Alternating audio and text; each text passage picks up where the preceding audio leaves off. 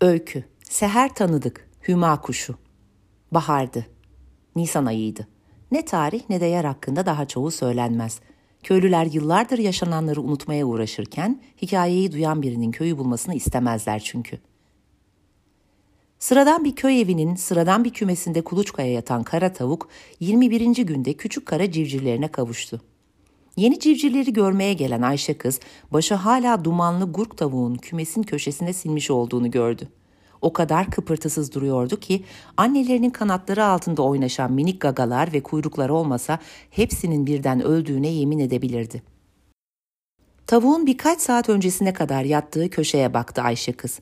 Yerde samanların üzerinde çok büyük, sapsarı parlayan bir yumurta vardı. Merakla uzandı. Yumuşak ve ıslak bir şeye dokunduğu anda elini hemen geri çekti.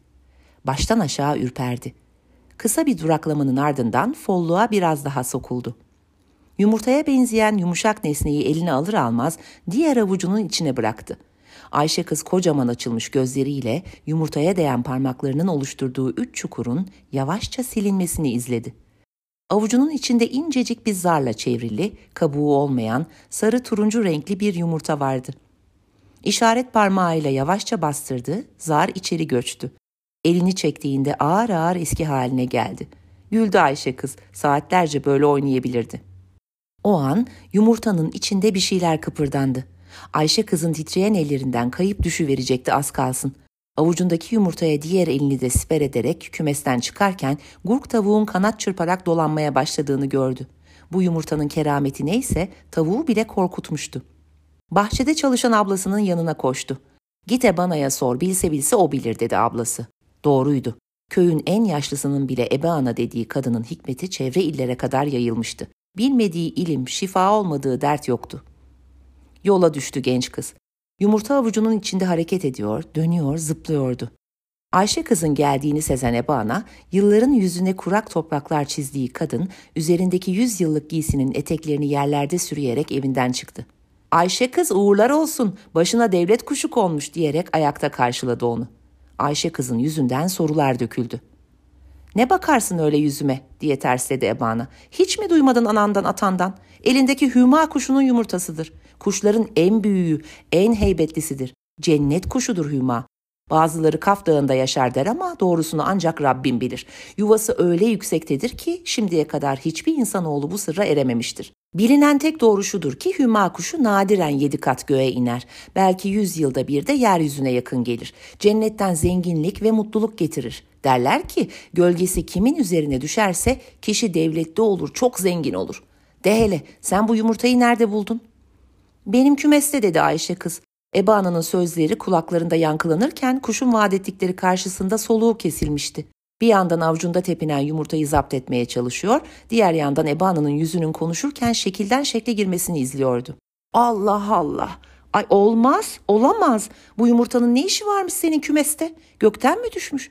Hüma kuşu yere konmasın diye ona ayak bahşedilmemiştir. Allah'ın gücüne gider, kuşun bile gücüne gider. Bahçede ileri geri yürüyerek söyleniyordu yaşlı kadın. Mübarek havada yumurtlar. Yumurta kat kat göklerden inerken kendiliğinden açılır da yavru dünyaya gelir. Bu yüzden yumurtası kabuksuzdur.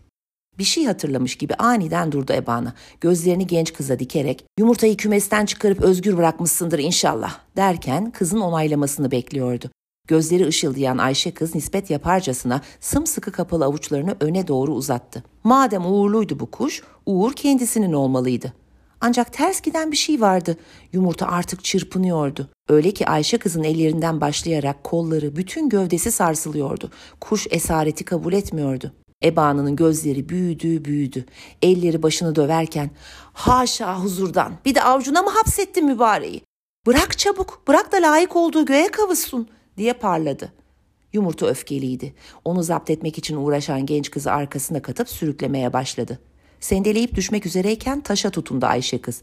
Bu arada elinden kurtulan yumurta hızla göğe yükselmeye başladı. Birkaç metre kadar yükselmişti ki yumurtayı çevreleyen zar birden patladı. İçinden ateş gibi bir yavru fırladı. Birkaç beceriksiz kanat çırpmanın ardından göğe yöneldi. Yavru yükselip uzaklaştıkça küçüleceği yerde büyüdü, büyüdü. Altın külçeleri gibi göz kamaştırıyordu. Gözlerini kısarak ancak bakabildi Ayşe kız. Ateş rengi kuşun başı yeşil, boynu uzundu. Genişleyen ve uzayan kanatlarının ucu siyah dantellerle bezeliydi. Karnı boydan boya ateş rengi tüylerle kaplıydı.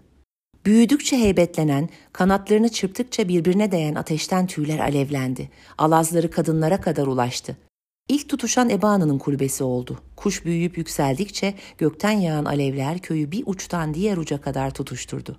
Ebana iki elini göğsünün üzerinde birleştirmiş, yere diz çöküp kalmıştı. Gözünü kuştan bir an olsun ayırmadığı için ne evinin ne de köyün küle döndüğünü göremedi.